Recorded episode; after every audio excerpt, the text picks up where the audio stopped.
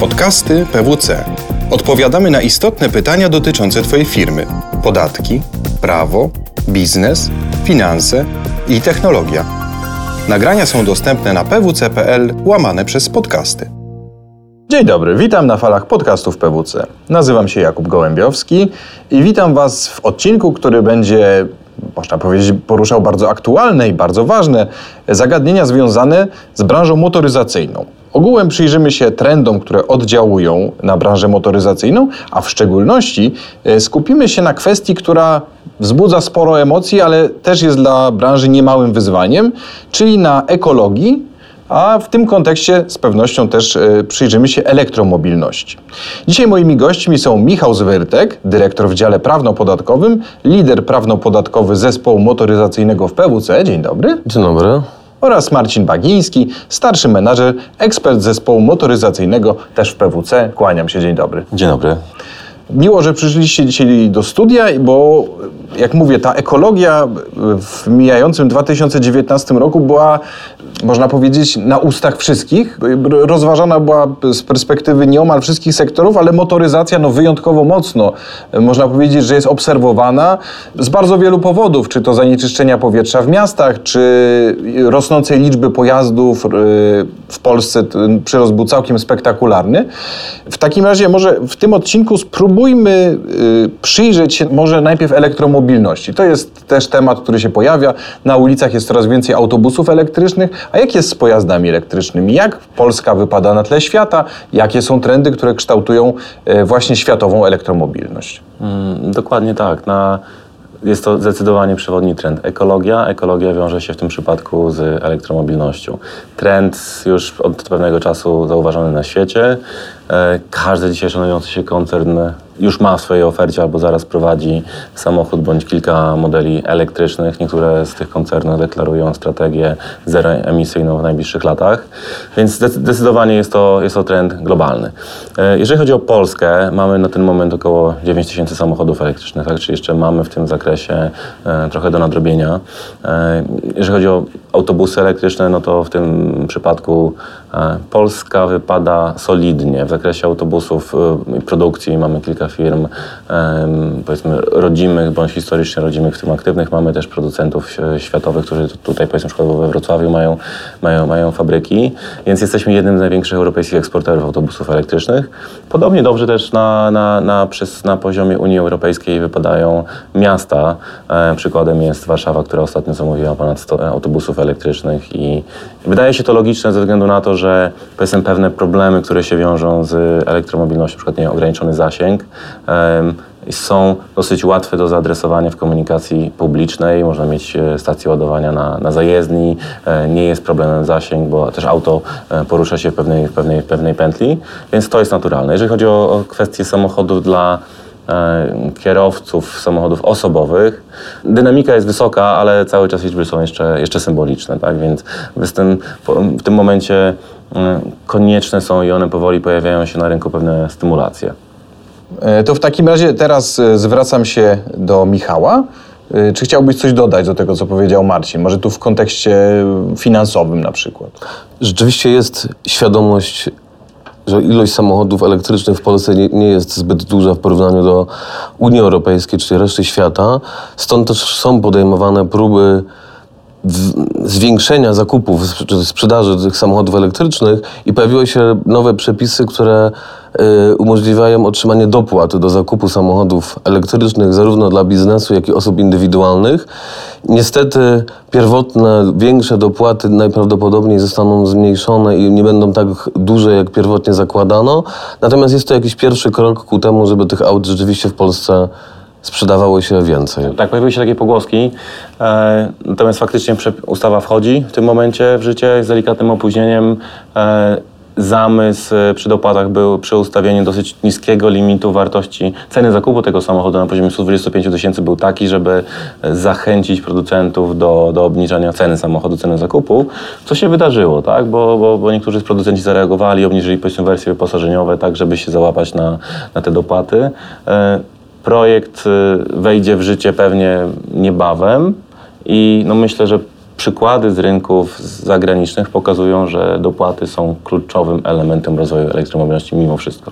Ja bym tutaj jeszcze zwrócił na jedną e, kwestię uwagę, bo z jednej strony mamy dopłaty, e, z drugiej strony mamy też e, no, zwiększające się restrykcje. To przykładem może być na przykład Bruksela czy miasta niemieckie, gdzie starsze pojazdy, szczególnie zasilane silnikami diesla, po prostu są eliminowane z pewnych stref, prawda? Tak, to jest też trend globalny.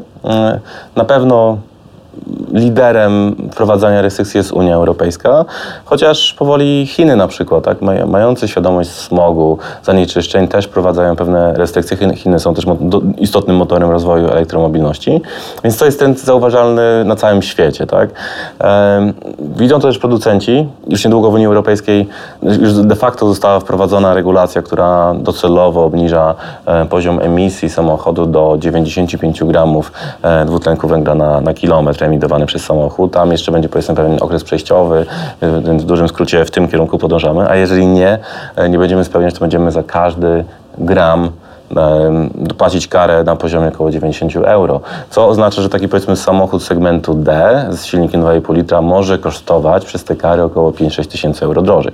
I to, I to, co widzimy też w ostatnich miesiącach i to, co też jakby się słyszy na rynku, to i producenci samochodów, i producenci części do samochodów reagują już na to, co się dzieje, na to, co wymusza Unia Europejska, na to, żeby być konkurencyjnym dla nabywców samochodów i widzimy bardzo duże ruchy, jeżeli chodzi o łączenie się przedsiębiorców, o fuzję, o przejęcia na rynku motoryzacyjnym.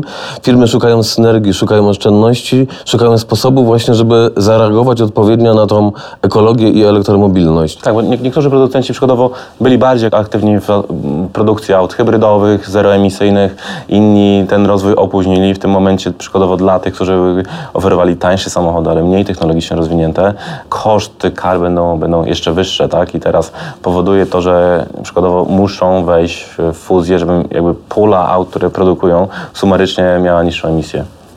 I co też ciekawe, firmy idą jeszcze krok dalej, nie tylko w stronę ekologii, ale wiele mówi się o tym, że e, auta w pewnym momencie będą autami, e, które będą jeździły same, zupełnie bez ingerencji człowieka. Czyli wchodzimy też, tutaj w autonomiczność. Autonomiczność i w tą stronę też już jakby firmy kupując, przejmując duże koncerny inne inne firmy yy, przejmują je i pod kątem ekologii, ale również tak trochę nawet krok dalej, dwa kroki dalej w kontekście aut autonomicznych. A to, to jest bardzo ciekawe, bo to w sumie te dwa czynniki stawiają przed koncernami wyzwania, przed którymi koncerny nie miały okazji stanąć przez ostatnie lata, tak? Bo powiedzmy, po pierwsze, prowadzenie samochodów autonomicznych wprowadza na rynek nowych konkurentów, firmy technologiczne, które dotychczas w tym zakresie nie działały.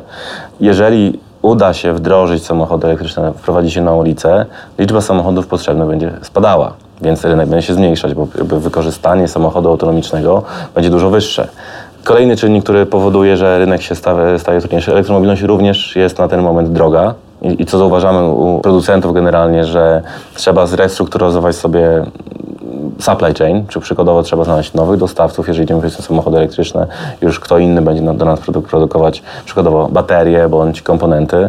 Musimy zastanowić się, gdzie, gdzie jest nasza potencjalnie nisza. Przykładowo, jeżeli jestem producentem tłumika, który nie występuje w samochodzie elektrycznym, no to pytanie, co ja mogę robić, tak? jeżeli tylko samochody elektryczne staną na, e, na ulicach. Tak więc jest sporo, sporo wyzwań e, w zakresie e, zakupów, w zakresie znalezienia dostawców, na przykład i kwestii prawnych, celnych i podatkowych również. To, to, co się dzieje na rynku automotyw i ekologia i te fuzje przejęcia powodują, że niewątpliwie te łańcuchy dostaw w tej branży zdecydowanie się zmienią. Po pierwsze jakby, tak jak wspomniałem, fuzje przejęcia wymuszą inne zakupy, zupełnie w innych relacjach po, od innych podmiotów, a dwa, yy, poszukiwanie innych źródeł zakupów, zmniejszenia kosztów, ta presja cenowa, ta ekologia powoduje, że łańcuchy dostaw powinny być tak kształtowane, żeby zwiększyć efektywność tych kosztów, uniknąć ewentualnych kar.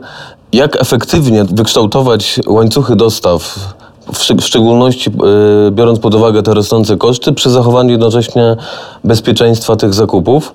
Tu niewątpliwie też wpływ na, na branżę motoryzacyjną będzie miał wpływ Brexit, który też będzie kształtował te łańcuchy dostaw, też ta Wielka Brytania, która jest i producentem części i samochodów, też teraz będzie musiała się dostosować do tych nowych okoliczności. No właśnie, bo jesteśmy, to, to, temat bardzo aktualny, jesteśmy już po głosowaniu w Europarlamencie, gdzie e, no, został poczyniony już e, kolejny krok w stronę Brexitu. On w tej chwili już jest, e, już jest bardzo blisko. E, Oczywiście będą te, te okresy przejściowe, ale e, może przy okazji rozmowy o Brexicie spójrzmy na to, jak, jak kształtują się kwestie prawno-podatkowe, bo chyba tutaj mamy jednak szereg niejasności związanych z tematyką, o której rozmawiamy. Tak, środowisko jest zdecydowanie dynamiczne. Ni- Niestety jest tak, że Unia Europejska ma wiele przepisów zharmonizowanych, natomiast Brexit spowoduje, że Wielka Brytania wyjdzie spod tej harmonizacji i będzie musiała wybrać jakieś swoje nowe rozwiązania, które oczywiście z jednej strony będą chroniły jej rynek, ale z drugiej strony nie może całkowicie odejść od takiej stuprocentowej harmonizacji, dlatego że niewątpliwie może to negatywnie wpłynąć na jej rynek wewnętrzny, więc nie ma tych regulacji jeszcze wprost wszystkich, co powoduje dodatkową niepewność dla branży każdej, również tej branży automotive. Szczególnie, że to dosyć jednak prężny i zamożny rynek, więc jak rozumiem bardzo istotny z perspektywy firm z tego sektora. Ale nawet patrząc poza samym Brexitem, polskie przepisy, dynamika polskich przepisów prawnych, podatkowych w ostatnich latach również jest bardzo wysoka. Raz, że polskie przepisy są przepisy podatkowe, ale i prawne. Coraz, coraz to nowe obostrzenia y, pojawiają się, również związane z ekologią, więc nieustannie trzeba śledzić i z jednej strony te koszty, ale z drugiej strony uniknąć ewentualnych kosztów kar sankcji, które niewątpliwie gdzieś mogą się pojawić. Więc E, tak jak przy, przykładowo w temacie dopłat dla samochodów elektrycznych, dopłaty zostały ustalone, natomiast potem e, rząd zidentyfikował, że dopłata potencjalnie mogła być opodatkowana, także teraz modyfikował przepisy i, została podpisana ustawa, która zwalnia dopłatę z podatku dochodowego. E, więc dużo elementów jest powiązanych ze sobą i biorąc pod uwagę, jak środowisko też technologicznie, dynamicznie się zmienia, to też stawia ogromne wyzwania dla, dla spraw A prawno-podatkowych. czy możemy postawić e, tutaj takie pytanie, no bo ono mi się nasuwa, ono już e, taki problem występował w innych branżach, czy to w finansowej, czy, czy w handlowej, gdzie postęp technologii no, wyprzedzał legislację. Mieliśmy do czynienia z taką luką, e, gdzie pewne rozwiązania, pewne udogodnienia nawet były wprowadzane, a dopiero reaktywnie powstawały akty prawne regulujące to, co de facto na rynku się pojawiało lub brak odpowiednich przepisów powodował jednak opóźnienie implementacji pewnych technologii. Dokładnie tak jest. Myślę, że świetnym przykładem są hulajnogi, które mamy na polskich ulicach już chyba ponad rok. E, Przepisy jeszcze nie zostały wprowadzone, co, co generuje trochę, trochę chaos, ale to też jest ogromne wyzwanie dla, dla ustawodawcy, e, bo nie ma rynków rozwiniętych, gdzie już jakieś powiedzmy rozwiązania zostały wdrożone, które, które możemy skopiować. Więc to jest trochę taka nauka na, na błędach. Podobnie będzie z samochodami autonom- autonomicznymi, bo możemy to spróbować, próbujemy to w pewien sposób, sposób uregulować, ale wiele, wiele kwestii, które jeszcze trzeba będzie doprecyzować, będą po prostu się, będziemy, będziemy je obserwować na, na podstawie wydarzeń bieżących. No, tu sięgamy już właściwie w przypadku, przepraszam, autonomii, e, sięgamy bardzo zaawansowanych kwestii, na przykład rozwiązania odpowiedzialności w przypadku pojazdów autonomicznych. Tak? Dla, z perspektywy prawa nie jest to zagadnienie proste. I przykładowo kwestia decyzji, decyzji moralnych, jakie, jak je zapisać w technologii, w oprogramowaniu. Tak? Czyli przykładowo, czy jeżeli powiedzmy dojdzie do sytuacji krytycznej i, i jednym wariantem będzie e, wypadek z grupą pieszych, bądź innym wariantem będzie przykładowo uderzenie w słup, a potencjalnie obrażenia, obrażenia kierowcy i software będzie musiał być w jakimś tam stopniu tak stworzony, żeby, żeby podjąć decyzję i to będzie pewnie jedno z, jedno z większych wyzwań. Unia Europejska, Komisja Europejska cały czas obliguje nas do wdrażania coraz to nowych systemów, które mają zwiększyć bezpieczeństwo i kierowcy, i pieszego, ale wszystkie te systemy ograniczają znowu rolę kierowcy. No i tu właśnie w kontekście aut autonomicznych cały czas się pojawia pytanie, kto będzie wtedy ponosił odpowiedzialność, czy producent samochodu, czy producent oprogramowania, czy jednak kierowca, który gdzieś tam jakąś możliwość ingerowania w ten samochód ma, także tutaj naprawdę będzie dużo pole do dyskusji, co z tą automobilnością i odpowiedzialnością zrobić. To też jest ciekawe, bo Unia jest pionierem we wdrażaniu pewnych rozwiązań i na pewno samochody są najbardziej rozwinięte technologicznie, ale i najdroższe. E, Pewne rynki, to dalej są duże rynki, nie wiem, azjatyckie, afrykańskie albo południowoamerykańskie. Tam technologia jest porównywalna jak 20 lat temu w Europie. Teraz dla producenta samochodu z Unii Europejskiej e, jest to wyzwanie trudne ze względu na to, że w kontekście wolumenu to są bardzo duże rynki istotne dla nich i, i wtedy powiedzmy mamy dwie technologie. Jedna technologia powiedzmy, która musi być e, droga, nowoczesna e, na potrzeby rynku europejskiego, potencjalnie amerykańskiego, może chińskiego powoli, a, inna technologia musi być utrzymana powiedzmy na poziomie takim, żeby spełniała standardy dużo niższe, ale też była bardzo efektowna No, kosztowo. tu wracamy do tego, co mówił Michał, czyli do łańcuchów i budowania tak naprawdę dwóch równoległych systemów produkcyjnych, czyli de facto znaczącego zwiększenia i kosztów stałych, i kosztów zmiennych, bo tak naprawdę to wy- wymaga prowadzenia dwóch przedsiębiorstw w ramach jednego przedsiębiorstwa czy grupy.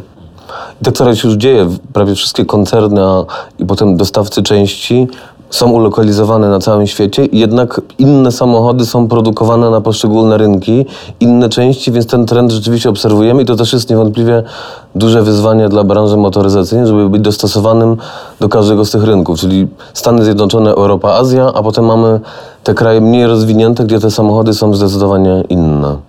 I właściwie to y, można by było bardzo, bardzo długo rozmawiać na ten tematy, które dzisiaj poruszaliśmy, bo y, sięgnęliśmy i kwestii ekonomiczno-kosztowych, i podatkowych, aż po, y, aż po kwestie filozoficzno-moralne, jeżeli można tak powiedzieć.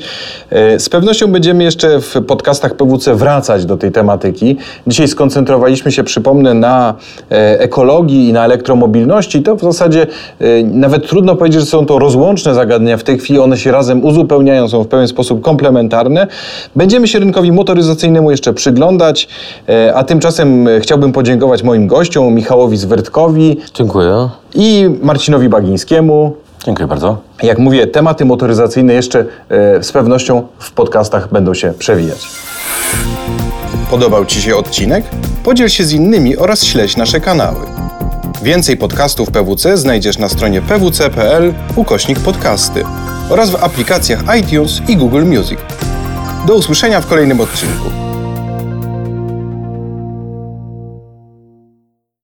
The I didn't realize you liked me that way deal. Because it's one thing to receive McDonald's, but an entirely other thing to know that they woke up early to face the world and bring you McDonald's breakfast still hot in the bag. Appreciate you.